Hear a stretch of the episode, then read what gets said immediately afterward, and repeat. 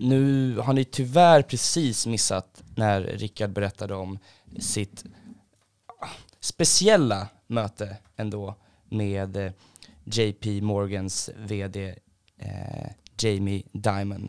Jag tänkte direkt på Amy Diamond när han sa det. Mm, jag bor i Amy Diamonds gamla lägenhet. Du gör ju det. Mm. Vet du att det är, det är mitt, min bästa anekdot när jag är på festen när du inte är med? Ja, det, det, jag blir nästan, det låter lite tragiskt. att din, din bästa anekdot. Ludvig tycker det är kul. Ja, jag hostskrattar där borta. Oavsett om det är en bra eller dålig anekdot så har vi i alla fall haft med Rickard Josefsson eh, i podden idag. Ja, det finns ju, det finns, det finns ju så här ganska få appar man liksom har som man går in och kollar på. Flappy Bird. Ja, exakt. Där är man. Mm. Avanza finns ju Ja, där, jo, jo, bland jo. De, de tio När stora. man har tröttnat på Flappy Bird. Ja. Och Rickard är VD för Avanza och har varit det ganska framgångsrikt senaste fyra åren. ja, verkligen. Det har gått jättebra för Avanza. fem åren nu, det är 2022, just det. 2022, ja 2017. Eh, nej men det har gått jättebra för Avanza. Eh, och eh, vad tror jag nämnde det i avsnittet, 1,7 miljoner användare. Eh, och det är ju liksom, det är en så stor del av Sverige eh, som på något sätt blir utsatta för pengar på Avanza. Eh, jättekul att få snacka med honom om, Ja, och man kan verkligen märka när han pratar om sitt uppdrag att han brinner för att skapa nöjda sparkunder. För ja, han måste ju. Det, han har ju, Ja, men jag tror ändå han menar det. det tror jag också. Ja. ja, man får verkligen en inblick i liksom hur de tänker på Avanza, vilket är roligt för man. De ser man ju bara deras skal, liksom en internetbank. Och sen så går vi in mycket på ja, men hur man kan tänka som småsparare. Du har ingen koll på börsen, du kan inte aktier. Hur kan man tänka, börja spara? Varför det är viktigt? Mm. Vi, vi pratar lite bolån och fan hur ska vi unga ta oss in på, på, på bostadsmarknaden egentligen? Money, money, money.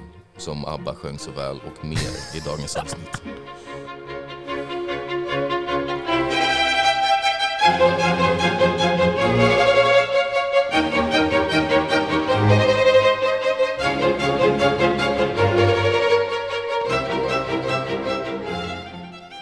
Halva firman är ju IT.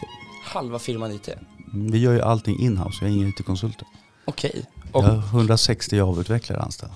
och vad fan, men varför... Är det för att det är billigare så? Eller är det för att det är, det är skönare så? Ni kan vara stringenta i utvecklingen på ett annat sätt? Väldigt mycket brukar jag säga att du får ju mer engagemang på lön än faktura. Mm. Så att, eh, Per krona arbetade det mer engagemang? ja, och sen så får du ju också en annan ekonomistyrning än om du använder konsulter. För då kommer du liksom ha så här, ja men hur mycket konsulter har vi råd att ta in i de här projekten? Vi har ingen utvecklingsbudget på Avanza utan vi utvecklar allt med egen personal. Så personalkostnaden är till viss del en del av vår utvecklingskostnad. Men sen är det också kanske som nät, alltså det som är mer än att det är konsulter är väl att det kanske är mer IT-folk än finansfolk. är väl kanske någonting som, Ja men så är det ju. Vi är ju kulturellt lika mycket techbolag som en bank. Och jag brukar säga att ibland är vi en bank med en stor IT-avdelning och ibland är vi en techbolag med en banklicens beroende på vem jag pratar med. Men vi är väldigt, väldigt mycket tech. Och vi bygger ju alla våra grejer, jag ska bara sitta och. Eh, Vi bygger alla grejer själva. Så vi gör ju väldigt, väldigt mycket inhouse-utveckling.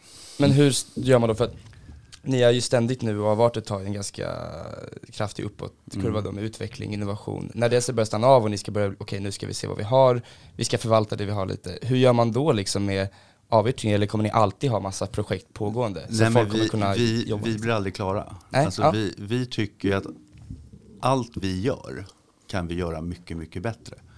Och går man tillbaks fyra år så är ju hela kundupplevelsen helt annorlunda byggd än vad det var för fyra år sedan. Och om fyra år kommer det vara helt annorlunda än vad det är idag. Så det är ju hela tiden ständig, ständig utveckling. Så man blir ju aldrig klar med ett företag eller med en kundupplevelse. För tekniken skapar nya förutsättningar, kundbeteende förändras och det vi håller på med ser vi ju bara en sån sak som att nu är kanske mellan 15 och 20 procent av all aktiehandel utomlands i framförallt USA. För fyra år sedan var det under 5 procent. Och då innebär att då måste vi bygga bättre nyheter, bättre flöden på utlandshandel etc. etc. Så att det, det blir aldrig klart. Det känns ju som att historien kring Avanza var lite när, när det startades var så här, nej men man, varför skulle man vilja köpa aktier på nätet? Det vill man ju ringa sin mäklare. Och sen så efter ett tag blir det, varför skulle man vilja handla sina aktier på mobilen? Det, det, så, det känns ju för lättsamt. Fast det har funkat ändå. Ja, när Avanza startades 1999 så jobbade jag ju på SEB och jag tillhörde de som satt och sa att det där kommer ju inte funka. Internet och liksom aktiehandel, där måste man ju prata med någon, där är allvarliga saker. Eh, och sen kan man ju säga att fram till för, för kanske några år sedan så var ju också Avanza byggt ganska mycket för avancerade kunder. Det innebär att kunderna var tvingade nästan att vara ganska duktiga för att verkligen kunna konsumera Avanza på ett bra sätt. Vi har jobbat jättemycket de senaste åren med att vara relevanta även för nybörjare. Även för en 40-åring som aldrig har sparat så kunna finna att det är enkelt och det, det skapar värde.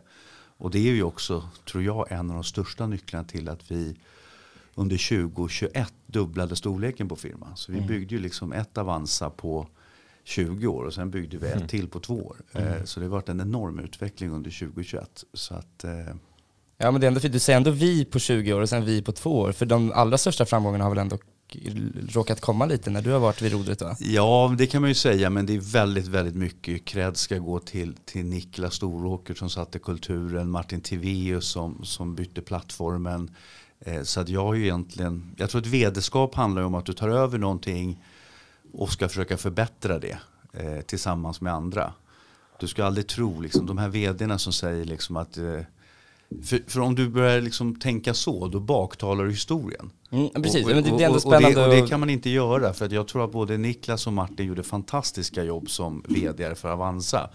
Och lämnade efter sig någonting som är väldigt, väldigt bra. Min uppgift är ju att tillsammans med alla medarbetare göra det här ännu bättre. Och sen kommer jag sluta någon gång, då kommer det komma in någon och säga så här att ja, men, det där var här är väl bra men så här kan det ju bli ännu bättre. Så att man, man äger ju inte sitt, sitt jobb utan man, man har det till låns. Eh, så man, man lånar av någon annan och lämnar över till någon annan. Det ska vara ödmykt för.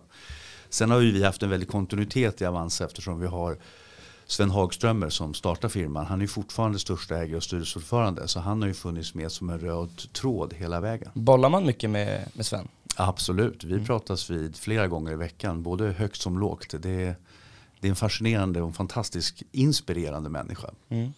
Hur viktigt är det att ha koppling till liksom, på något sätt rötterna i ett bolag som, som du säger som vd liksom tar över stafettpinnen och som kommer in som en utomstående kraft men ändå har med någon slags grundpelare? jag tror att det är jätteviktigt att komma ihåg sina rötter och komma ihåg sitt ursprung och sin kultur. Men du får inte romantisera, brukar jag säga, historien så att det blir en begränsning för dig.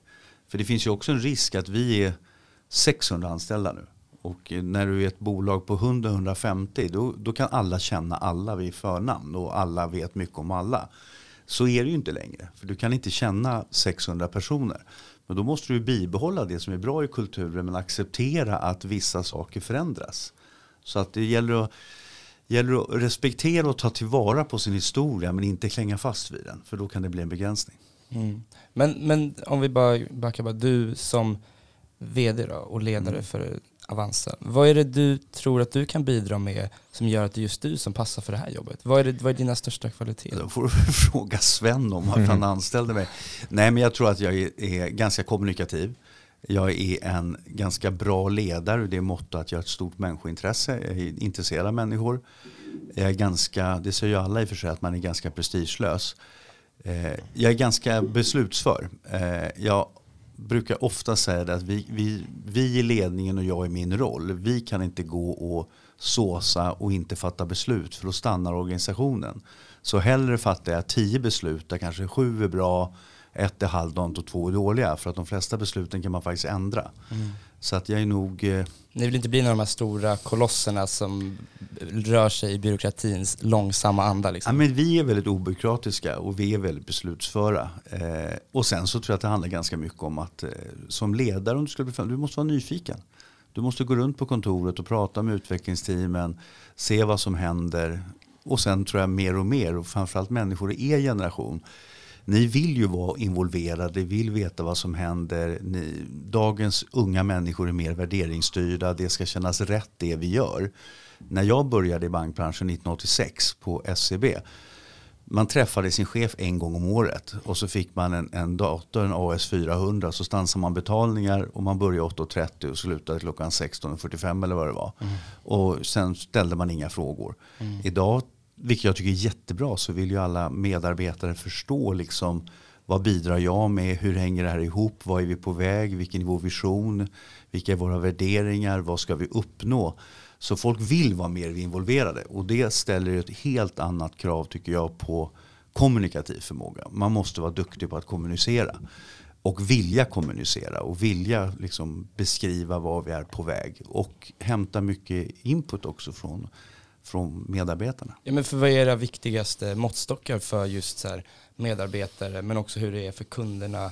Vad kollar ni på när ni vill utvärdera hur det faktiskt går för Avanza internt men också liksom hur kunderna ser på er? Mer än bara siffror som du säger, ni dubbla värdet. Men... Nej men det är ju alltså det viktigaste målet vi har från styrelsen är att vi ska ha branschens nöjdaste kunder. Och det mäts varje år på hösten i, i Svensk kvalitetsindex och vi har vunnit det 12 år i rad. Mm. Det är helt okej. Okay. Det är helt okej okay, i och med att bara priset har bara funnits 12 gånger. Mm. Så att det är ingen annan som har vunnit det. Eh, och sen, sen, så vann, vi blev ju årets bank 2018, 19, 20. Eh, så vi, det är ingen som har vunnit det tre år i rad heller. Vilka var det som snuvade er 2021? Eh, SCB. Ja. Eh, men så, så det där är ju det är ju liksom det yttre. Sen mäter vi väldigt mycket kundnöjdhet, kundinteraktion. För jag brukar säga det, både liksom, lite allvar finns det i det att om vi tappar vår plats som, som företag med de mest nöjda kunderna, eh, då riskerar jag att få sparken. Men om vi har några dåliga kvartal, det kan jag nog klara av. Mm. Så att eh, det är så viktigt för styrelsen och Sven eh, med kundnöjdhet. Och vi, dels så har vi ju, nu har det varit lite knepigt under pandemin, men vi har ju varje vecka kunder inne på Avanza. Där vi gör användartester, vi låter dem prova nya prylar och ser deras reaktion etc. Och vi gör ju ofta så när vi utvecklar saker så kan vi, vi kan utveckla en ny funktion och så släpper vi den. Vi har en lista på kunder som gillar betaversioner. Så vi släpper den till kanske tusen kunder. Och så får vi massa feedback och så gör vi om det. Och sen släpper vi för 5000 kunder så får vi feedback. Så 10 000 kunder feedback. Och sen så börjar det liksom vara släppa, alltså toggla på eller släppa på det för alla 1,7 miljoner kunderna. Mm. Så det är en väldigt inter, interaktiv process med våra kunder hela tiden på hur, hur vi ska utveckla oss. Det hjälper att vara ett IT-bolag med bankavdelning då? Ja, absolut. absolut. Men det är ju det här så många använder liksom fail fast. Alltså du måste våga testa grejer. För att många gånger så lägger man för mycket energi på någonting man blir förälskad i och tänker det här kommer bli så bra. Och så rycker kunderna på axlarna. Va? Mm. Och det där vet du aldrig hur mycket du än jobbar. Vad är det som verkligen efterfrågas? Men vi får ju även mycket, vi har, vi har ju många på firman som är aktiva på Twitter. Så vi får ju både på Twitter, Facebook, Instagram väldigt mycket förslag från våra kunder. Ja, det är ju spännande, så ni tar ändå in mycket från liksom privatpersoner på Facebook och absolut, Twitter? Absolut, mm. det kan vara nu håller vi på lite med aktiesidorna. Liksom. Då får vi mycket så här, ja, det här är bra men ni borde få den grejen. Och då tar vi med oss det och ibland kan vi fixa till det och ibland kan vi inte fixa till det. Så att det är en jätteviktig del av oss. Sitter och scrollar aktieraketer-gruppen på Facebook? Och... ja, precis. Så att, nej, men det finns ju, vi berör ju många och det är väldigt, våra kunder är också lite grann så att när vi lanserar nya grejer så är det många som säger det här var jätte, jättebra men kan inte göra det här också. Så att det är liksom nästan omättligt eh, behov.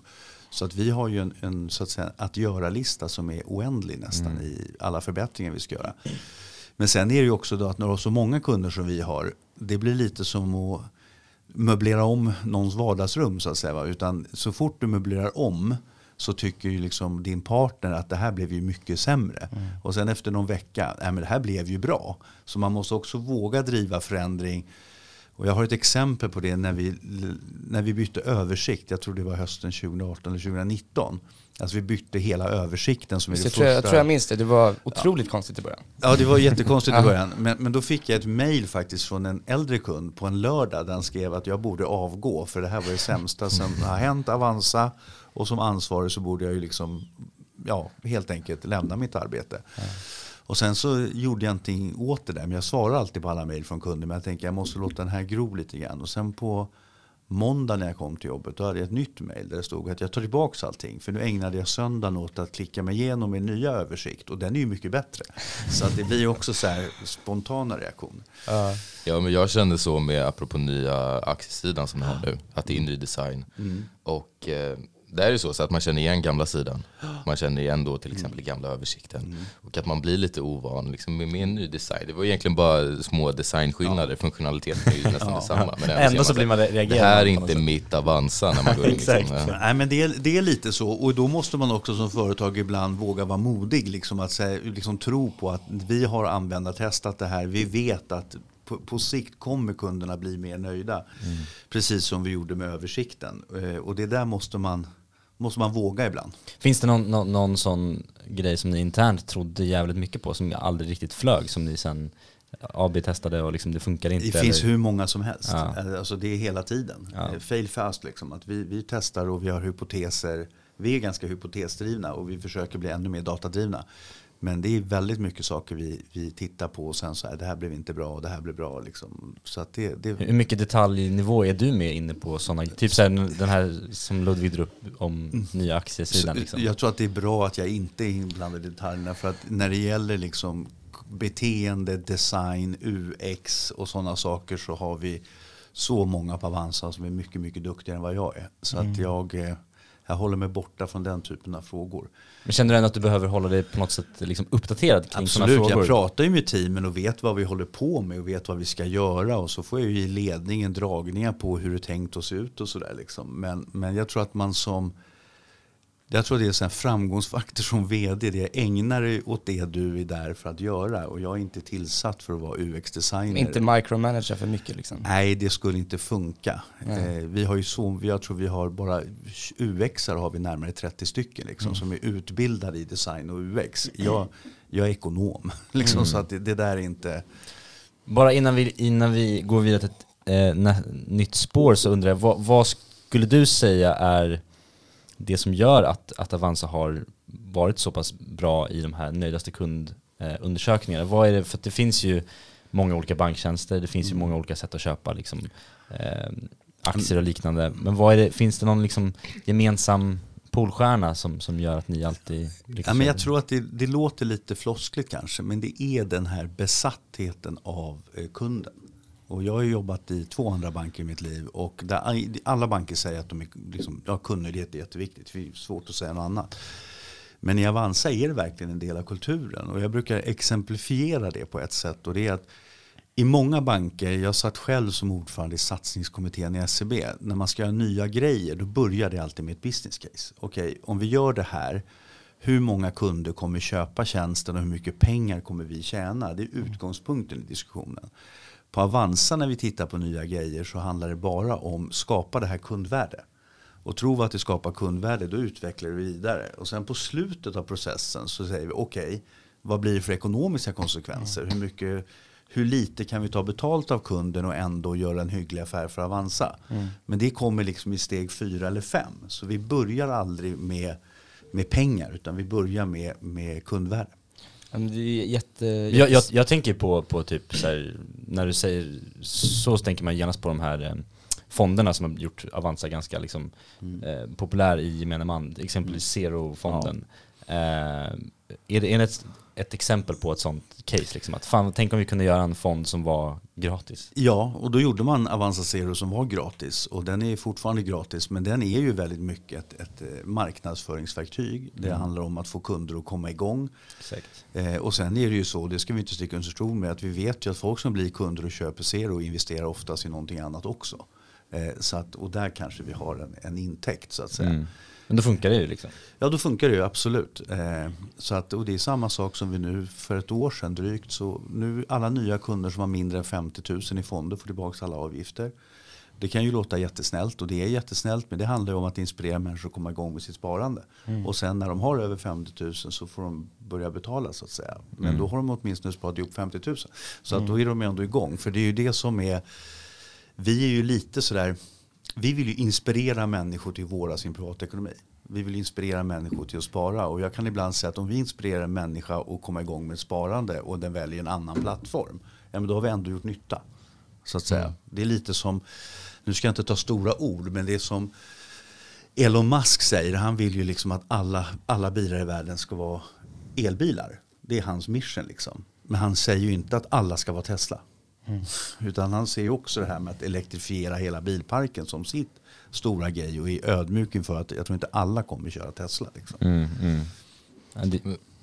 Ja, Ja, För vad är, är tanken bakom liksom Avanza fondpaketet som ni har kört ganska hårt på med nya fastighetsfonden, World Tech och liknande och som ni ändå liksom brandar under ert egna namn? Ja, men dels så är ju de fonderna som vi har tagit fram, för det, är ju, det där är de första aktivt förvaltade fonderna vi har. Och det började ju med med TIN-fonden och sen kom Fredrik Skoglund och sen kom Norhammar nu.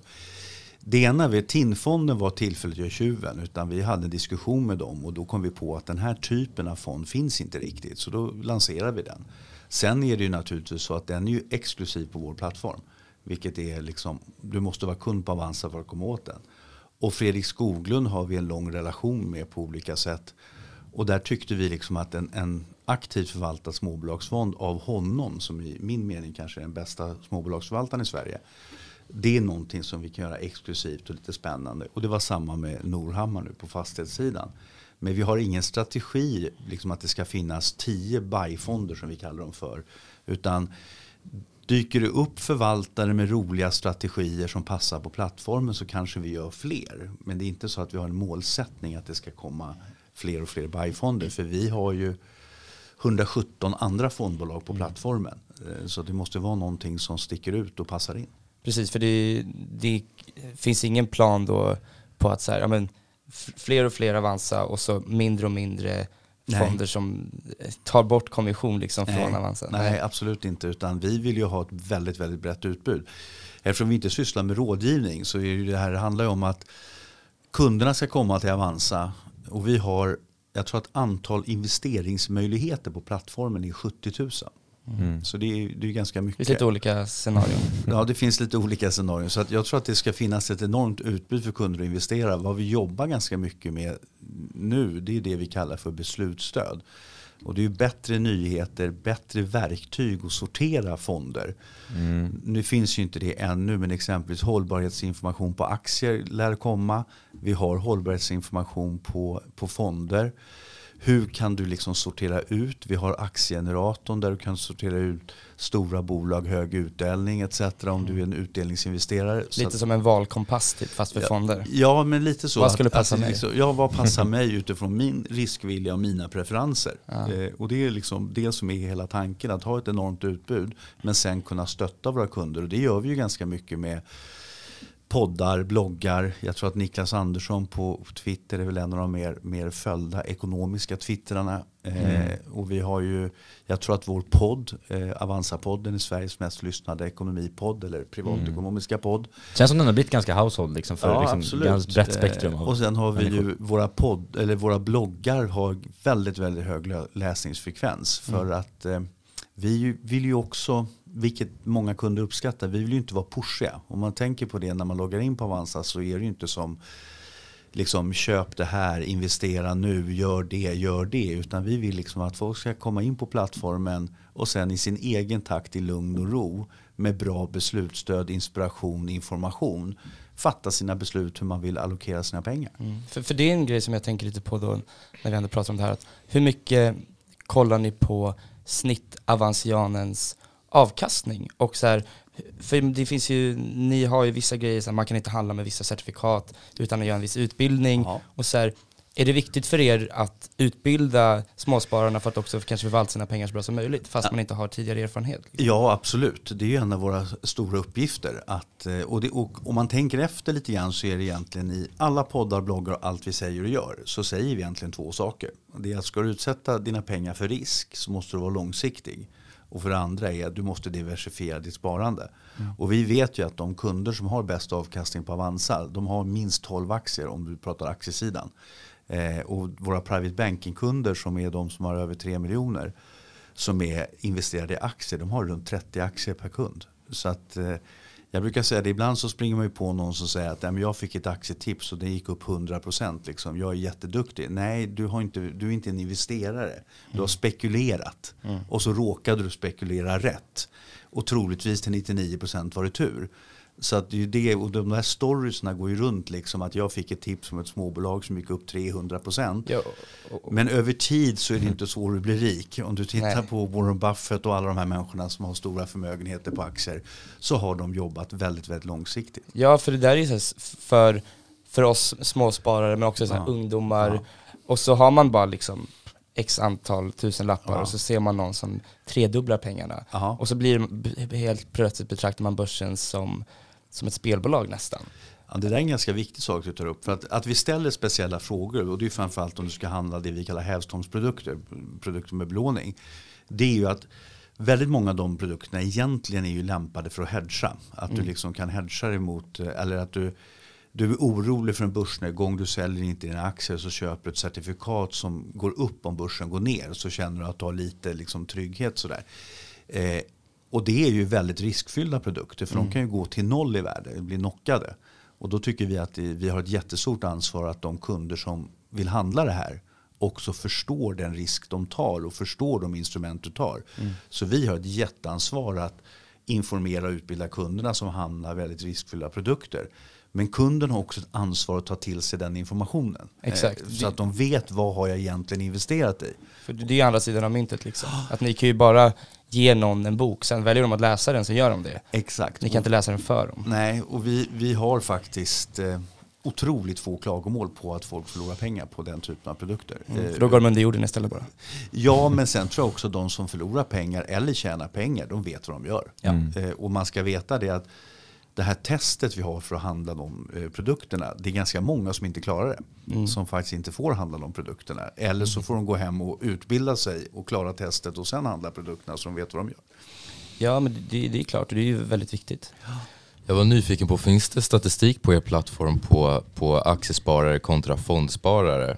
Vilka som presterar bäst över sikt? Mm, Vi har den statistiken men jag tror inte den ligger ute på plattformen. Vi releasar sådana uppgifter ibland. Ja. Eh, Framförallt när du har varje årsskifte ditt 2021. Liksom. Då får du ju reda på din avkastning relativt index, relativt andra kunder och sådär. Eh, Så att vi, vi, vi leker med sån statistik ibland. Vilken sida är, är, om man får fråga dig, är du själv på? Båda. Båda? Jag är på båda. Men jag har en aktie som, jag har, som är väldigt dominerad i min portfölj och det är, det är Avanza-aktien.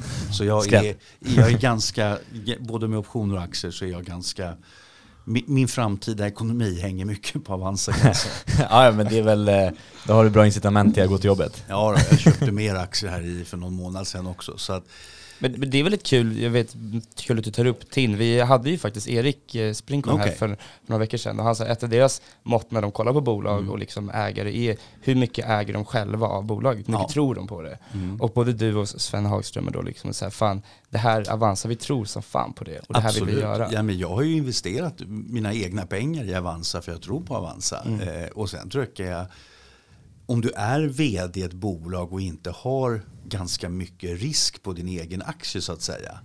Det, det, är- det är en sak som jag själv tittar på andra bolag också som jag köper. Jag äger Mm. Jo. inte bara Avanza-aktier, jag äger några till. Diversifiera, eller Ja, vad jag, jag är lite diversifierad och sen har jag ganska mycket fonder också. Mm. Så att, eh, Sen är det väl lite kul också kanske? Ja men absolut. Det, det är ju alltid roligt med aktier och det är ju någonting du märker på Avanza på kontoret att alla är liksom också väldigt intresserade av värdepapper, aktier, de investerar och det, nej, men det är mycket, mycket sånt eh, snack liksom på firman hela tiden om, om eh, marknaden. Man, man lever med börsen på något sätt. Ja det är ju spännande att det är, det är en omdragningskraft till det som är egentligen lite svårt att förklara även om det är eh, inte på något sätt att man på något sätt gör bättre än en fond som man har bara haft eh, fast man spelar med liksom egna medel så är det ändå lite roligt. Ja, nej men det är ju många och sen, sen är det ganska viktigt sak att komma ihåg för att vi har inte ett kund, eller en kund, ett beteende. Utan vi kan ha, vi har 3800 daytraders på plattformen. Men även de kan ha en tjänstepensionslösning med ganska lågriskfonder. Och de kan ha ett barnsparande i Avanza Zero. Och sen kan de ha en aktieportfölj med storbolag som de inte rör liksom för evigheten. Och sen har de en portfölj där de tar enormt mycket risk. Så det finns liksom inte en risk, en kund, ett beteende, ett kund. Utan många kunder har olika beteenden för olika så att säga konton. Min dotter som är kund på Avanza kan jag avslöja. eh, Om hon hade varit på Nordnet hade det varit klipp från familjemannen. Ja, det, det, hade, det hade inte hänt. Nej. Nej men hon, hon har ju liksom en, en portfölj av både fonder och aktier som är liksom evigheten. Så här, det här ska jag ha som min trygghet. Och sen har hon ju en som heter Emma Goes Crazy. Eh, som hon har för, liksom, handlar lite småbolag i till, till höger och vänster. Jag säga. Och det tycker jag är väldigt bra. För det lär man sig ganska mycket av. För att, att investera pengar i aktier och bli väldigt framgångsrik är svårt.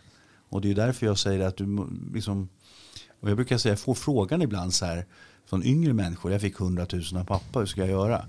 Ja, men det enda du ska göra är att investera inte allt på en gång. Utan lägg upp en plan och investera 10 000 i månaden under en viss tid. För att Kommer aldrig pricka botten. du prickar aldrig botten och, och det är liksom time in the market är faktiskt viktigare än timing the market. Jag tror Warren Buffett, han är över 90 nu. Jag tror 90% av hans förmögenhet har kommit efter det att han fyllde 60. Härliga räntor på räntan. Ja, härliga ränta på räntan. Så att jag försöker förklara det för min dotter att om du tittar på den här fonden du har. Om du inte rör den på liksom 20 år så kommer det där vara hur mycket pengar som helst. Liksom. Eh, Så att, Då kan du följa med pappa och spela golf så det Torrevieja liksom. eh, ja, precis. Då kan hon, hon spelar inte golf Nej. för sig. Men, men, eh, så att jag tror att det där är, det, det är tiden. Det är Mm. samma, Ja, ur- ursäkta att jag avbröt. Jag skulle bara vilja stanna där lite för att när jag frågar runt inför det här avsnittet och frågar så här, vad, vad för frågor skulle man vilja ställa till liksom Avanzas vd? Och av de jag frågade så, så var det just mycket kring hur ska man tänka om man vill liksom sätta sig in och börja spara. Vi säger att man har noll koll på börsen, man har noll koll på aktier. Och man säger att okay, jag har ett sparkapital, kanske 100 000 från pappa. Hur kan man tänka liksom med ja, men diversifiering, tid, liksom sådana bara för att få en liksom grundstabil Ja, det, det, det jag brukar säga, behöver du pengarna på säg 3 till 5 års sikt, då ska man inte utsätta dem för risk. Det är liksom den grundregeln. För att om du behöver de här pengarna om tre år, ingen vet om vi är mitt i en börskrasch om tre år när du behöver pengarna. Så att då, det är det ena perspektivet. Längre horisont än 3 till 5 år. Och sen brukar vi säga att investerar du i aktier så ska du helst äga minst 12 aktier. eh, För att du ska bli framgångsrik över tid. Också 12 olika aktier kanske. Ja. Ändå så här 12 techaktier, du kanske är Nej, lite utan samma du ska risk. differentiera sig. Men sen så är det ju som man inte kan någonting, inte vet någonting. Det är faktiskt så att börja läsa på. Vi har Avanza Akademi på plattformen där vi har så att säga utbildningar för kunder. Börja läsa våra bloggar. Investera inte de där 100 000 om det nu är det på en gång utan börja i liten skala. Och det är ganska intressant för vi ser väldigt mycket också att vet ni vilken den mest ägda aktien är på plattformen? Eh, Investor. Ja, det är Investor. Och Investor är också nästan oftast den första aktien någon köper. Som till exempel av att vi ser väldigt mycket att kunder kommer in till oss och är fondsparare. Och de fortsätter att vara fondsparare och månadssparare i fonder. Men de blir lite inspirerade att äga några aktier. För det är lite roligt också att äga aktier och följa med bolaget. Kan hända något och det Ja, och då är, då är Investor faktiskt den som man oftast köper som första aktie. Och det är ju faktiskt också ganska klokt, för det är ju ganska likt en fond. Ja. Ett investmentbolag. Och investmentbolag har ju varit jätteintressant de senaste åren. Mm. Spiltans investmentbolag Fondtrade är den största fonden på plattformen just nu. Eh, Så det har varit väldigt mycket investeringar i investmentbolag. Mm. Men, men om vi bara backar bandet lite då. Du, du pluggade här ute på Stockholms universitet. Absolut. Nationalekonomi och, Och marknadsföring. företagsekonomi. Och företagsekonomi. Ja, så jag har en fil. kand.examen i företagsekonomi. Så som det så fint heter. Och när du pluggar och börjar plugga företagsekonomi, vad är din plan då för vad du vill göra med din framtid? Det var så här enkelt att jag gjorde lumpen och sen så sökte jag jobb på alla banker i Stockholm. Mm. Och så fick jag jobb på några stycken och så valde jag SEB. För det var den enda banken som hade flextid så att jag kunde spela hockey och jobba. Det var faktiskt helt sant det enda skälet till att jag valde att jobba på SEB. Och du behöver inte förklara det, och sen, okej. sen, sen jobbade jag där ett år och på den tiden så skrev man ett aspirantprov. Och klarade man aspirantprovet så blev man fast anställd. Så att jag skrev aspirantprovet, klarade det och sen tog jag tjänstledigt och pluggade här i tre år på Okej. universitetet. Och sen skulle jag naturligtvis bli säkerligen managementkonsult eller någonting. Men sen jag blev klar 1990. Och 1990 så började den stora finanskrisen i början av 90-talet. Så då var jag helt plötsligt väldigt glad att jag hade ett jobb att gå till. Och då eh, blev jag företagsrådgivare på SEBs kontor i Sickla i Nacka. Och där började det hela. Och då tänkte jag, då var det sådana distrikt med olika kontor som samarbetade. Och då, då hade jag en plan att jag ska bli kontorschef i SEB. För det verkade vara väldigt, väldigt fint och roligt att ha ett eget kontor. Men det blev jag när jag var 29 eller 30. Så Då jobbade du som rådgivare tills du var 29-30 typ? Ja, det gjorde jag. Nej, jag började som rådgivare, sen blev jag kreditanalytiker. Så att jag satt på en stab kan man säga och höll på med kreditgivning och kreditanalys av lite större företag. Mm. Och sen efter det så blev jag, eh, sen gick jag faktiskt till SEB Bolån och höll på med storhusfinansiering i Norrland. Så att det innebär att jag rekonstruerade bostadsrättsföreningar om man ska vara riktigt ärlig. Och efter det blev jag kontorschef eh, i SEB. Och sen så var jag det i ett tag och sen så blev det massa omorganisationer. Så blev jag när jag var 31 kanske eller 30 så blev jag distriktschef. Då blev jag chef för nio bankkontor i Stockholm, i Vasastan, Kungsholmen. Eh, och hade väl 109 anställda. Och sen har det liksom, Det gick fort där ändå. ja men det gick fort. Men det var, jag brukade, det var mycket omorganisationer på den tiden. Och alla- du hade lite tur eller vadå? Nej. Ja, men dels hade jag tur. Dels så var, i och med att jag hade varit på kreditsidan så blev man också exponerad åt ganska höga chefer i banken. Även om man själv var långt ner i hierarkin så var man föredragande i många kommittéer. Så man lärde ju känna många i ledningen liksom och, och sådär. Men jag hade nog eh, tur. Eh, jag skapade ganska bra resultat i de saker jag var ansvarig för. Och sen tror jag att många identifierade att jag hade ganska bra ledaregenskaper. Och så att sen, eh, ja, sen så rullade det bara på. Och sen köpte ju SEB banker i Baltikum. Och då köpte de en lettisk bank. Och då så hade de en idé om att de skulle ha en svensk i ledningen för den där banken. Och då var det någon sån här ledningsmöte vet jag SEB och så bara, ja men Rickard är ju en pigg kille, vi skickar honom. Och så, Skicka ner Hockey-Rickard. ja men lite så, jag startade hockeylag där också. Det gjorde det?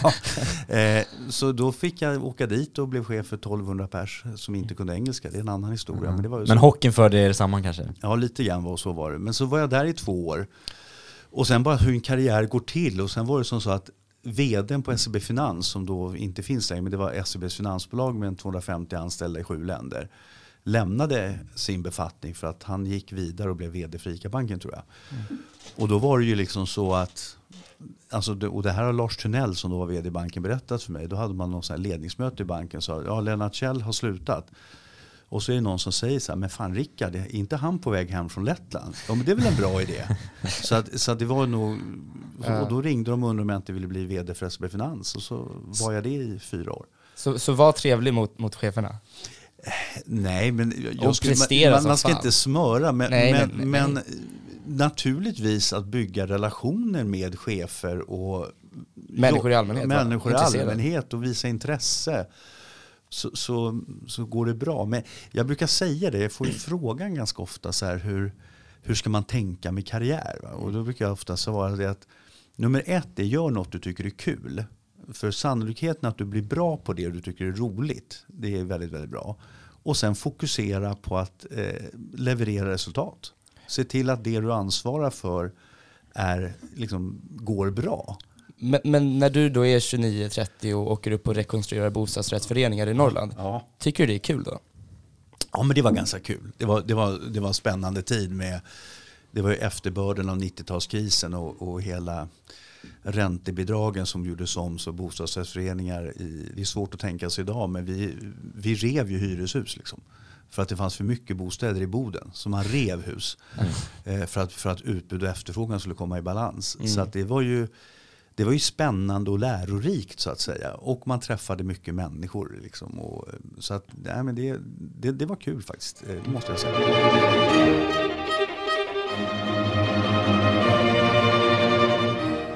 Jag, jag, jag tänkte bara på, som du sa, att ah, men du sökte till, efter att du hade gjort lumpen, så sökte du till massa bank, alla banker. Ja. Varför det? Varför vad, visste du att det var bank? Nej, det, var, det var ju, egentligen så var det som så att jag, jag skrev ett brev som jag gick och fotostatkopierade och skickade till alla banker.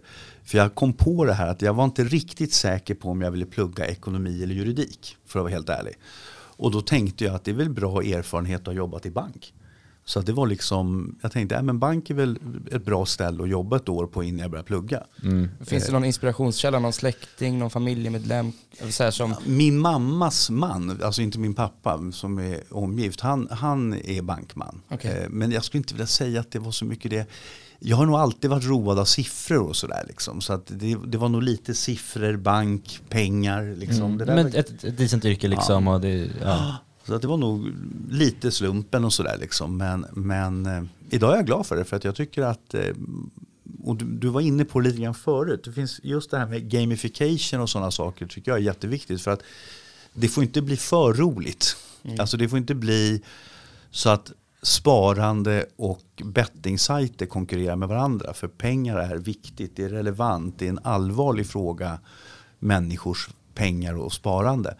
Eh, och det är ju samma sak med ett banksystem. Jag menar, utan bankerna, man kan skälla på banker och sådär, men banker finansierar ju liksom alla våra bostäder, företag, mm. se till att betalningar funkar. Så, så bank är samhällsviktig verksamhet och det, det, får man inte glömma bort. De har en väldigt, väldigt viktig funktion i så att säga, ekosystemet Sverige. Men om, om vi går in då på en aktiv samhällsfråga just nu, det här med att sänka kravet för insats till lägenheter mm. som har kommit upp nu från 85 till, till 95 procent. Mm.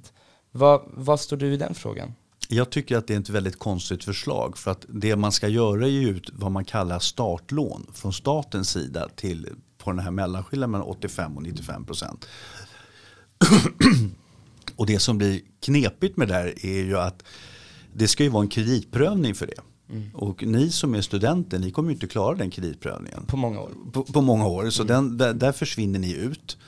Eh, så att jag tycker, och de som har jobb med hyggliga löner och klarar den här kreditprövningen, de tycker jag istället borde finnas en större flexibilitet så att bankerna själva kan låna ut lite mer i vissa fall om kunderna har väldigt god ekonomi. Mm.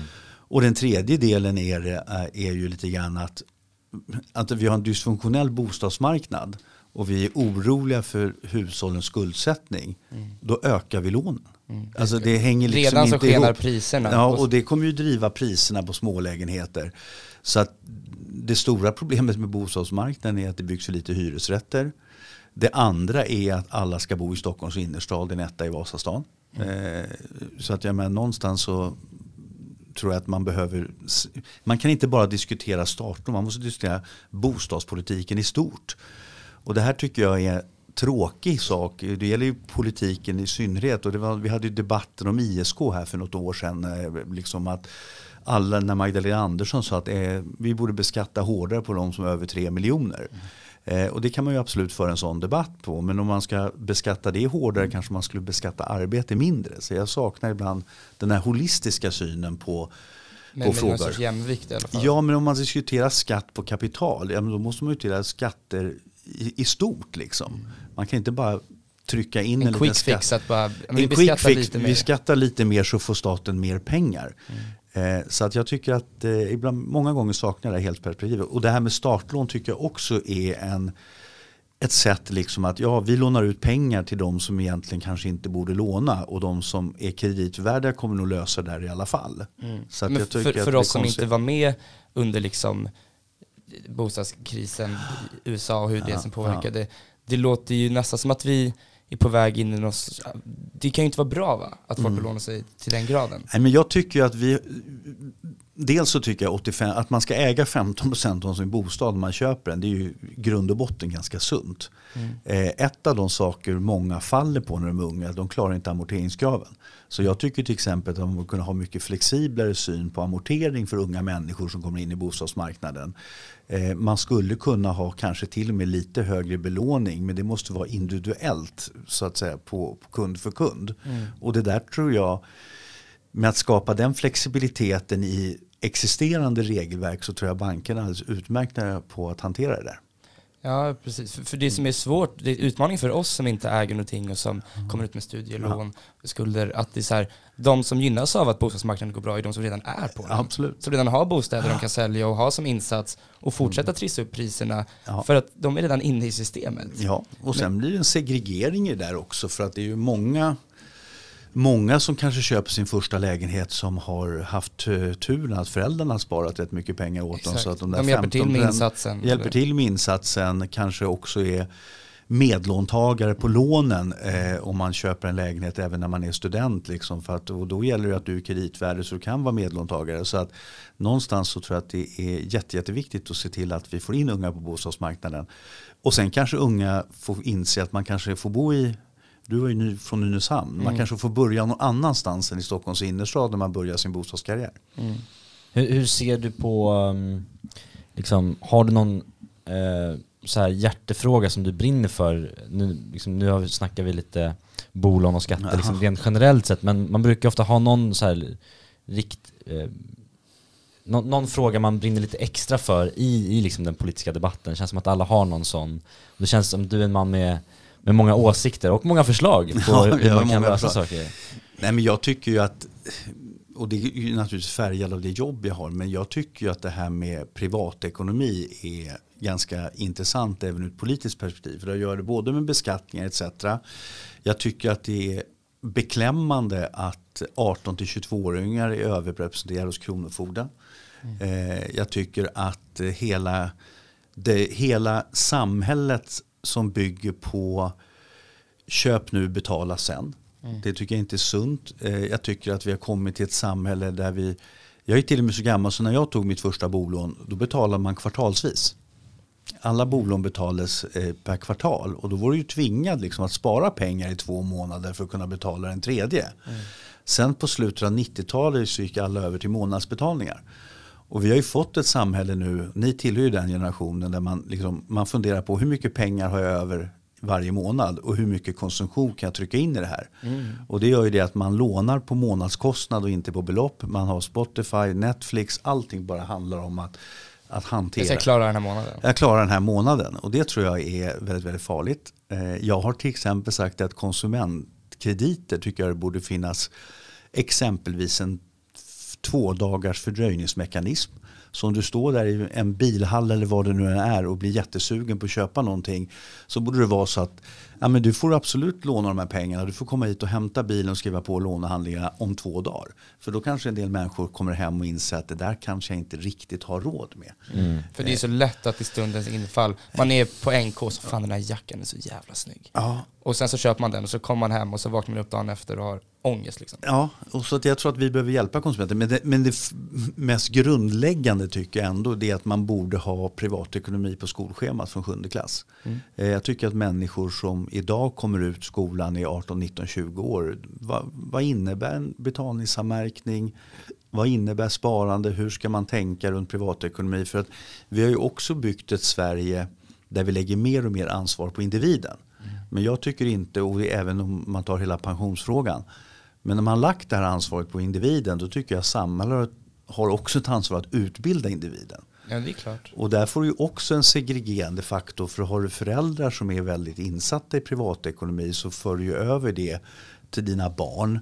Min dotter månadssparar liksom och det har jag lärt henne att det är, liksom, det, det är odiskutabelt, det gör man. Eh, och sen får väl hon göra som hon vill då, men hon har i alla fall hittills fortsatt månadsspara.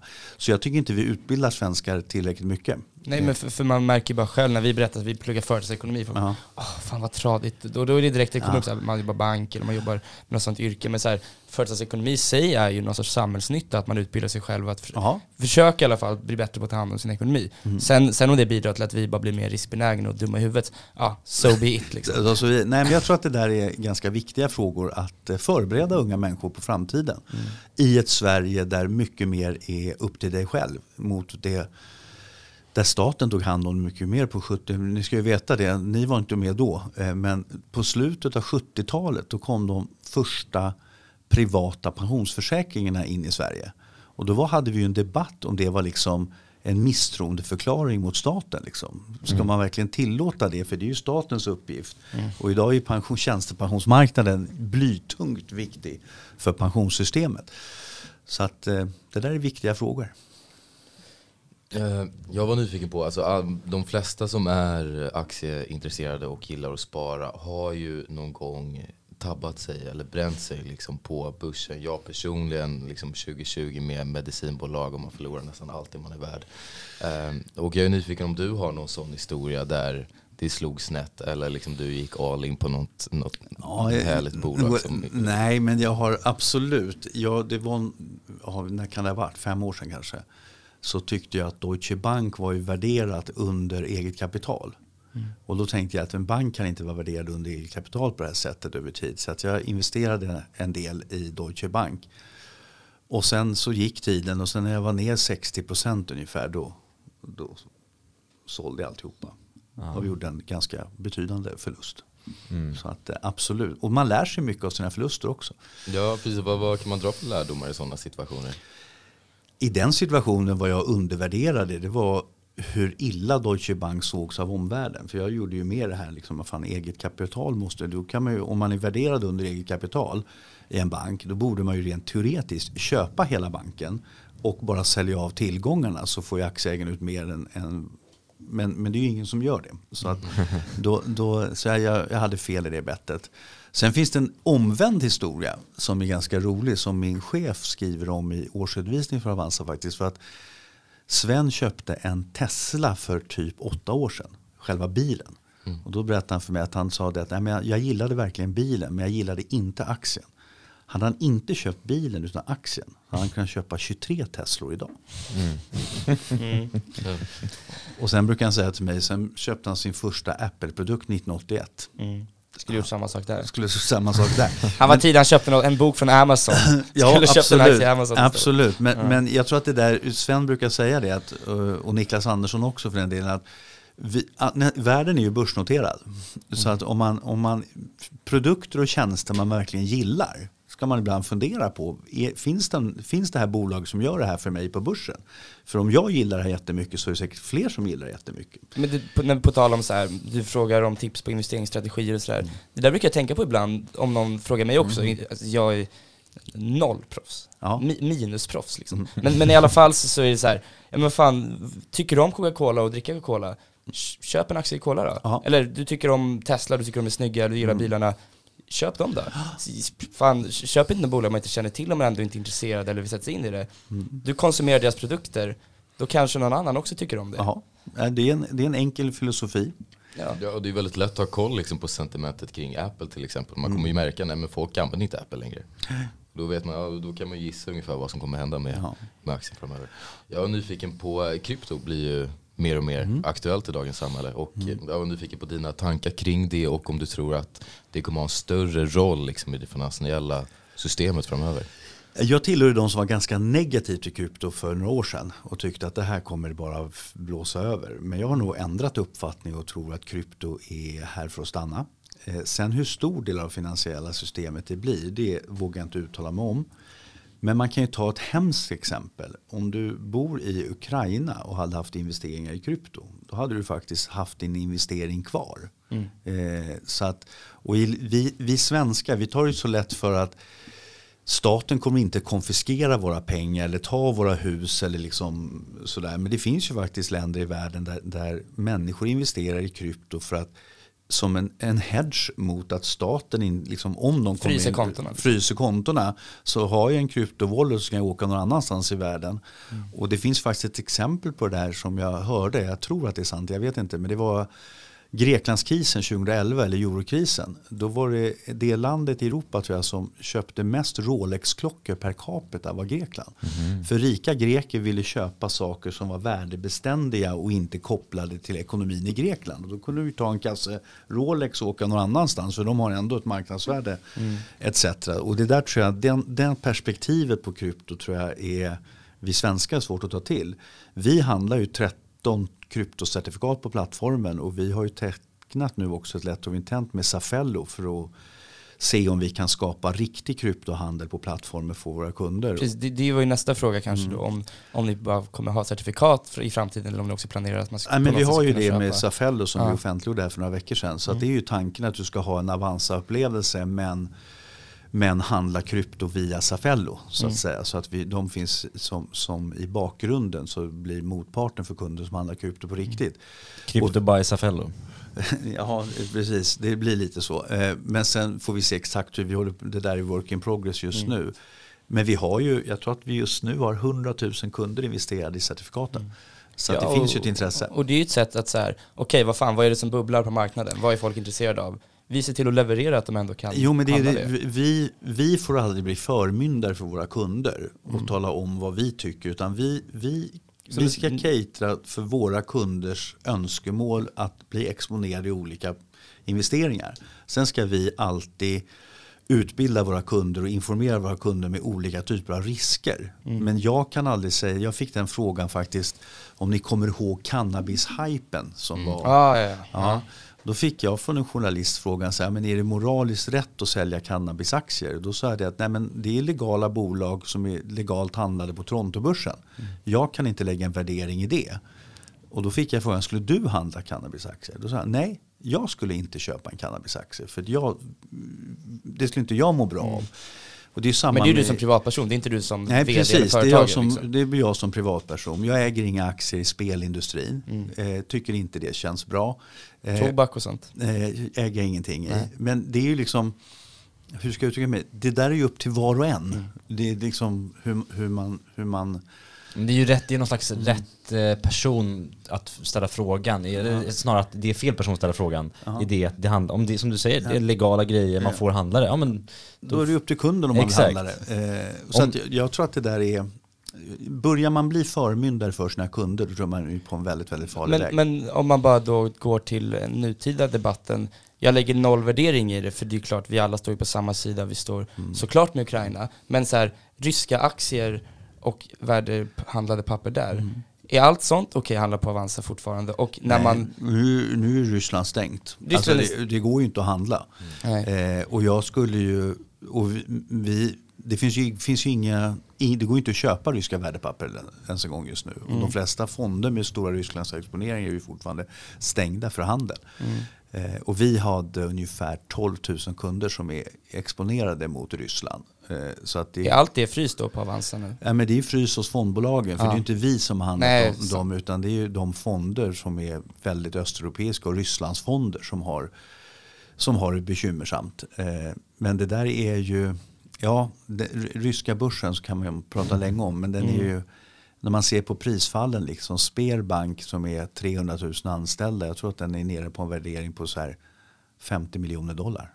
Liksom, det är unheard of i, i hur, hur saker och ting har rasat. Samtidigt så är ju de sanktioner mot Ryssland som ändå finns där ute nu, de kan man ju bara skriva under på är, är bra. är korrekta. E- Ja, Exakt, men bara, det, det kanske är mer komplext än så, det inte, går inte att jämställa på något sätt. Men det är ändå där med att så här, jo men det är korrekta ryska bolag, Mm. bara att det faktum att de är ryska och de kanske stöttar då energin, och då kanske det snarare blir att då är det fel.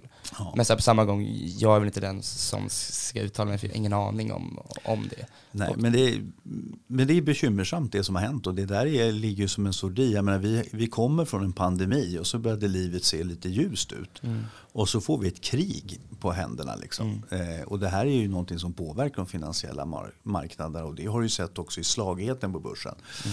Det kan ju liksom gå upp 3% ena dagen, ner 3% andra dagen och det kan egentligen har ingenting förändrats. Så det finns ju en väldigt stor nervositet som är kopplad till, till kriget. Men om, om vi bara stannar ett litet tag vid oroligheter.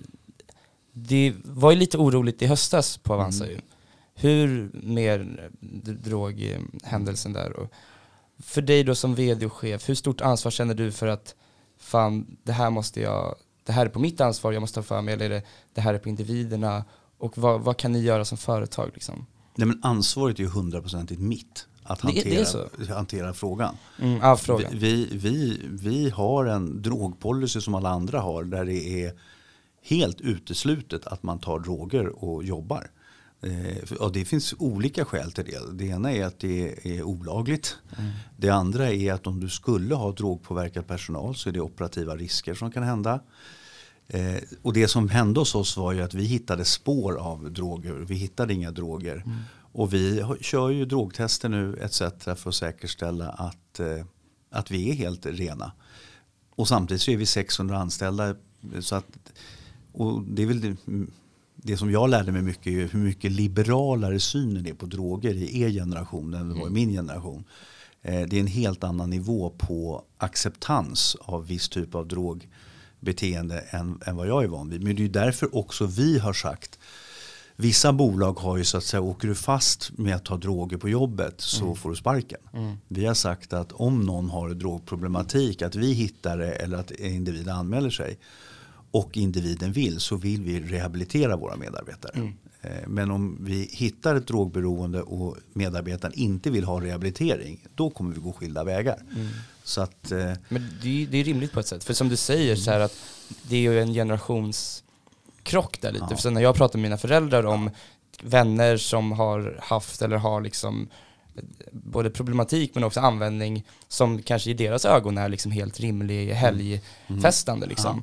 Och så här, vi, vi diskuterade lite inför, alltså, det hade ju lika gärna kunnat vara ICA Näras personalfest som hade spår av droger på samma gång som det var Avanza. Mm. Men sen så blir den här frågan då, okej, är finansbranschen överrepresenterad och är det liksom en glorifierande av droger? Nej, jag tror inte det. Jag tror att finansbranschen är representerad precis som alla andra branscher. Mm. Eh, och jag har lärt mig mycket om de här frågorna under det senaste halvåret och varit ganska aktiv i olika sammanhang med det. För jag tror att vi, jag har pratat med polisen också, jag tror att vi företagsledare, vi kan inte säga att eh, drogproblematik och gängproblematik och skjutningar, för det här hänger ju ihop liksom. Det, jag tror att det var någon som berättade för mig att varje vecka säljs det kokain för 30 miljoner runt Stureplan.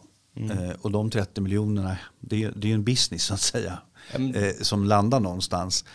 Men jag tror att vi, vi gör det för enkelt för oss att det är tullen och polisen och politikerna som ska lösa drogproblematik och gängproblematik. Jag tror vi företag, företagsledare också kan göra en skillnad i det här. Hur vi liksom sköter våra företag, vad, vad som är accepterat hos oss och inte. Så att det, det är lite därför jag har gett mig in i den där debatten. Ja men det är spännande, för, för, för, för min ståndpunkt är också så här, lite som du säger, att det är bättre att prata och kanske rehabilitera. Straff i sig kanske inte är liksom en lösning. Men sen är det ju det här, det är ju själva industrin man stöttar med konsumtionen som kanske är det absolut värsta. För att om någon väljer att ta droger, det, det, inte- har inte jag någonting att göra, säga till om.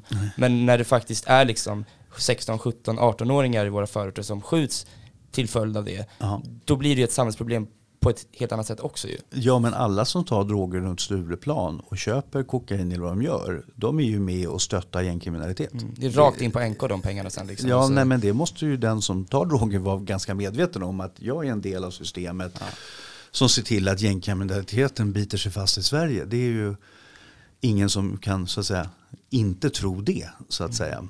Eh, men det viktigaste är ju också med rehabiliteringsfrågan för alkohol är ju klass, alkoholmissbruk är ju klassat som en sjukdom och där rehabiliterar man ju människor och, och det är inte eh, drogberoende på samma sätt. Eh, men jag tycker att det är jätteviktigt att eh, och, det, att, och sen är det så att under en livstid så kan ju folk få problem. Du skiljer dig, barn mår dåligt, saker händer och det är klart att du kan fastna i en beroendeproblematik. Och då har vi som arbetsgivare tycker jag ett jätteansvar att hjälpa människor. Mm. För att om ni bara då skulle sparka någon som är i ett aktivt missbruk och kanske bara gå ännu sämre för den människan. Ja, då blir ju det en samhällsonytta liksom på ett helt annat sätt. Absolut. Eh, Så att jag tror att det där är men det är det ställningen vi har tagit på Avanza. Och Mm. sen får ju andra företag göra som de vill. Men jag vet att det finns en hel del företag som har hört av sig till mig, jag ska inte säga vilka. Mm. Och eh, så att säga har infört samma syn som, som vi har. Mm. Fint. Eh, Så det, det ju, känns ju lite bra. Mm. Sen blev ju hela den här historien ganska uppförstorad kan jag tycka. Eller inte uppförstorad men det blev ju Ja, men det, den läckte ju men det blev ju lite dramatiskt eftersom jag hade hyrt in hundar liksom, och körde kontoret på nätterna. Och då blev ju det liksom, spann ju iväg lite väl mycket kanske eh, i rubriksättning etc. Men eh, så här i efterhand så vi är transparenta när vi har nöjdas kunder. Eh, vi är transparenta när vi har utmaningar också. Och jag skulle säga att 99% av all feedback vi har fått om vår öppenhet har bara varit positiv. Ja, nej det ju- det känns ju, när man läser om det känns det ju lite, det känns som att det blev en väldigt stor grej. Det känns som att alla hade liksom någon slags hört hört talas om den där det var. Men det, som vi snackade om lite igår, eller så att säga, det, det kunde lika gärna varit ICA Nära liksom. Ja. Eh, deras personalfest eller så. Eh, men på samma gång så kan man inte förminska det heller. Så det, det, det, det, Ja. det är två sidor av det. Men, men om vi går till lite roligare...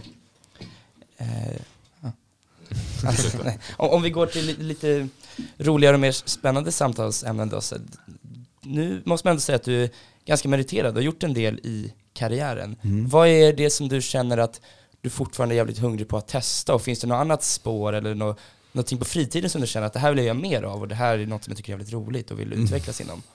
Nej, men jag har gjort... Nej, jag tänker inte riktigt så. Jag har skitkul på jobbet. Jag älskar att vara vd på Avanza och jag hoppas få fortsätta vara det. Sen så är jag ju 56 år gammal. Eh, så det är klart Ingenting. Att, ingenting. Men, men det är klart att jag, jag inser att jag är närmare pensionering än början. Så att eh, nå, någonstans så... Någon tidpunkt så kommer jag ju sluta. Men jag kommer ju inte sluta jobba. Jag tror inte jag är funtad så. utan min chef Sven är ju, är ju 78 och han är ju otroligt aktiv och nyfiken på nya saker och så här. Så att jag hoppas jag kan bli någorlunda lite som honom även efter det att jag slutade jobba operativt. Men jag har investerat privat i Lassi som är ett eh, hund och, och, eh, hund och kattförsäkringsbolag som har växer väldigt, väldigt fort. Det tycker jag är jättekul att följa. Jag skulle kunna tänka mig att göra lite fler sådana investeringar privat om det dyker upp roliga saker. Mm. Eh, jag hoppas att man liksom efter den operativa tiden, att folk tycker att man har en erfarenhet och en kompetens så att man kan sitta i några styrelser. Eh, jag önskar att naturligtvis, det man kan önska kanske ibland är ju att ha lite mer, så att säga, äga sin tid lite mer. Mm. Känner du inte att du gör det alltid nu? Nej, inte alltid, för jag kan ju ha kompisar som, som jobbar lite mer flexibelt som ringer så här, men du det är torsdagsgolfen här på torsdag Mm. eftermiddag. Det häng på, nej, går inte. Jag har det och det och det. Så att det är klart att man blir ganska uppbunden ur, ur ett tidsperspektiv. Så att det är väl lite mer tid till, till eh, ja, sätta sig in i andra saker, investera. Nej, jag tror att det finns jättemycket spännande saker att göra efter att man slutat jobba. Mm. Men som sagt, det är ingenting jag tänker så mycket på för jag har inte tänkt att sluta jobba på, på länge än i alla fall. Keeping yourself Ja, men det är kul att jobba. Alltså det, det, vi brukar säga det på Avanza att det är, det är otroligt viktigt att vi har kul på jobbet. Och det fanns faktiskt en person som sa till mig så att jag inte kommer på det själv. Du måste inte vara tråkig för att du är seriös. Ja. Mm. Det, det, är en intressant tanke. Ja, så att det liksom, jag tror att vi skrattar jättemycket på Avanza. Det innebär inte att vi är seriösa och allvarsamma med det vi håller på med. Men vi har väldigt roligt på jobbet. Och vi pratar ganska mycket om det också. Att man ska ha roligt på jobbet. Men, men du, du har nämnt Sven några gånger och du säger Mm. nu du hade gärna blivit mer som honom när du blir äldre. Mm. Har han varit en förebild på dig, för dig? Nej, Jag lärde ju känna Sven egentligen för fem år sedan, precis när jag blev vd för Avanza. Så vi kände inte varandra innan dess. Men han är ju naturligtvis med hans så att säga, track record, vad han har gjort för svenskt näringsliv i många olika skepnader. Så det är klart att det är en person som, som man ser upp till eller som man har en väldigt, väldigt respekt för. Och Fina kavajen åker på när det är middag hos Sven. ja, ja, ja, nej, Sven är ganska low key när det gäller sånt. Okay. Nej men alltså det är ju, och- och det är ju fascinerande att prata med honom med allt han varit med om och hans klokskap och erfarenhet. Innebär inte att vi alltid är överens jag och Sven. Det är ju absolut saker där vi kan ha olika uppfattningar. Men vi kommer alltid överens till slut. Eh, och hans, nej, jag tycker att eh, han är absolut en, en inspiration och en förebild. Eh, Men du måste berätta lite om, eh, du snackade tidigare om din, din, eh, ditt jobb på SCB där Mm. flextiden eh, som gjorde... avgjorde. Ja, för att du kunde spela hockey. Mm. Eh, och du, går man in på din Twitter så, så ser man mycket röda, gula och blåa hjärtan i dina tweets. Eh, berätta lite om ditt hockeyintresse. Som Nej, men jag är ju hockeymänniska från början och spelade i Lidingö många säsonger. och Även någon säsong i Skövde och i Nacka och sådär. Eh, och sen är jag ju född djurgårdare. Liksom. Pappa sa när man liksom, det finns liksom, vi är djurgårdare i vår familj. Så det var liksom bara, ja då är vi det. Är det fotboll också eller är det mest Ja, hockey? så att idag är man lite Ja, ledsen. det var det var ju torsk igår. Eh, men, så att jag har haft ett jättestort intresse för Djurgården. Sen så när jag var på SCB så anställde jag faktiskt Musse Håkansson eh, som jobbade på SCB ett tag innan han blev proffs i Toronto och sen tillbaka och hej och hå. Så att jag liksom alltid, jag stod ju på ståplats på 70-talet liksom på Hovet och, och hejade på Djurgården.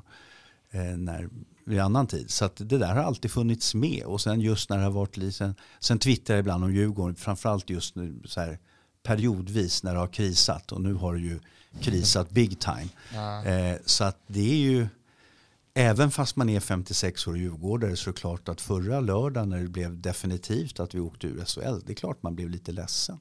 Mm. Det blev man ju 2012 också när vi åkte ur. Eh, Så att, eh, Och när man var 15 och när man var 12 och när man Ja, var 25. absolut. Vi åkte ju faktiskt ner 1976 och gjorde en säsong i gamla division 1 innan Mm. vi kom tillbaka i gamla, i, i gamla elitserien.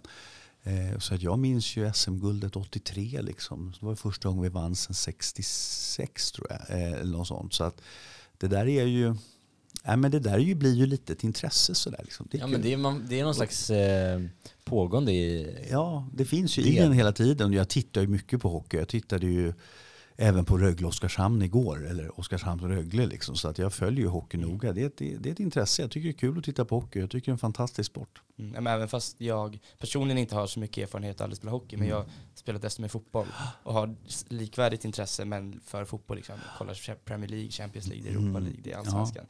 Fan det händer ju någonting med en ändå. När man Ja. sitter där och ens favoritlag ligger under. Jag är United-fan. Ja. eh, i- Ja, jag är Leeds-fan. Okej. Ja. Andra, det riktiga United. Ja, precis. Ja. Ja, men så här, det- man blir fan, det finns perioder där man blir fan primal alltså. Samma när man kollar Sverige och det går piss och de inte tar sig till VM. Mm. Men din egen hockeykarriär då? Var det på- någonsin på kartan att eh, göra egen karriär eller var det någon, något knä Men jag var inte tillräckligt bra. Nej, jag, jag spelade ju i division 1 och i gamla division 2. Eh, liksom sex dagar i veckan och tränade mycket och gjorde allt jag kunde. Så att jag blev nog så bra jag kunde bli. Liksom. Jag tror inte jag hade talangen för att ta steget upp till liksom jag spelade under gamla elitserien och var, jag var inte tillräckligt bra för att ta det steget helt enkelt. Sen blev jag ganska bra när jag blev äldre och då blev jag ju för gammal liksom, för att kunna få de möjligheterna. Så att, eh, men jag är jätte, jättetacksam för den tiden man spelat ishockey. Det var väldigt, väldigt roligt och det, det bygger mycket Alltså det finns ju de här vanliga likheterna. Du är ett lag, du är olika individer, precis som ett företag. Du har ett mål, du ska uppnå någonting, du jobbar tillsammans. Man vinner tillsammans, man förlorar tillsammans. tillsammans, det, är liksom, det, det finns likheter och olikheter med, med, med det. Så att, eh, men nu får vi bara hoppas att Djurgården kommer tillbaka. Då, för att jag kommer ihåg, på tal om engagerande, jag kommer ihåg hur jag satt hemma när Djurgården gick upp 2014 efter att ha varit två säsonger i allsvenskan. Och den glädjen när vi tog oss tillbaka till SHL, den var ju nästan större än SM-gulden. Liksom. Inte ett enda samtal från Sven Hagströmer om vd-position kunde slå den glädjen. Ja, det hade faktiskt den glädjen. Den glädjen var, den blir ju, det blir ju folk som inte älskar sitt lag sådär som man själv gör och kan aldrig förstå den där Nej. känslan liksom av att eh, det berör. Ja, otroligt. Men du måste ju berätta lite om det här. Du startade lag i Riga, som Ja. du nämnde i förbifarten. Eh, hur var, det, var, det var bara självklart, ja, men vi måste ju spela lite ishockey när vi är här borta i Lettland. Ja, det var så. I och med att när jag kom dit så hade jag precis slutat min liksom riktiga hockeykarriär. Eh, och då, då tog jag med mig utrustning för jag tänkte det måste väl finnas någon liksom så här korpenlag. Så att vi, då satte vi ihop ett på banken. Den hette Unibanken då. Den hette inte SEB Latvia som det heter nu. Så att då satte vi ihop ett korplag och så fanns det ganska många på banken som spelade. Och så fanns det ju andra banker som hade, det finns, finns mycket banker i Riga, som också hade korplag. Så hade vi en liten väldigt ostrukturerad serie där vi eh, på, jag undrar om det var måndagkvällar så spelade vi match mot varandra. Fan vad roligt. Ja, det var jättekul. Eh, Så att det var, och hockey är ju väldigt stort i Riga. Eller i Lettland är ju hockey väldigt stort. Så att eh, när jag var där så möttes faktiskt Sverige-Lettland i VM. Och då var jag på en sportsbar i Riga och bettade 100 spänn mot alla i sportbaren att Sverige skulle vinna. Ah, okej. Så att jag hade kostat mig mycket pengar. Om, om Ja, alltså 100 mot varje person. Ja. Okej. eh, och, och, det, 4000 pers där. Nej, det var inte. Det kanske Nej. var 30. Men, Ja. men som tur var vann Sverige, så jag tjänade pengar. Ja. Det var, var inte så mycket, men det, var, det finns ett jättestort eh, hockeyintresse i Lettland. Ja, det är äran när, när svensken kommer att Fan, det, ändå, det vinna där jag har inte tänkt på, det är ett fräckt bett ändå. Jag bettar mot alla i huset. Ja. Ja, jag gillar Det ska man också göra någon gång i livet. Ja, kanske. Måste bli vd för en bank i Lettland först. Ja, kanske. Men Rickard, stort, stort tack för att vi har fått låna en timme av din tid. Tack för att du fick vara här.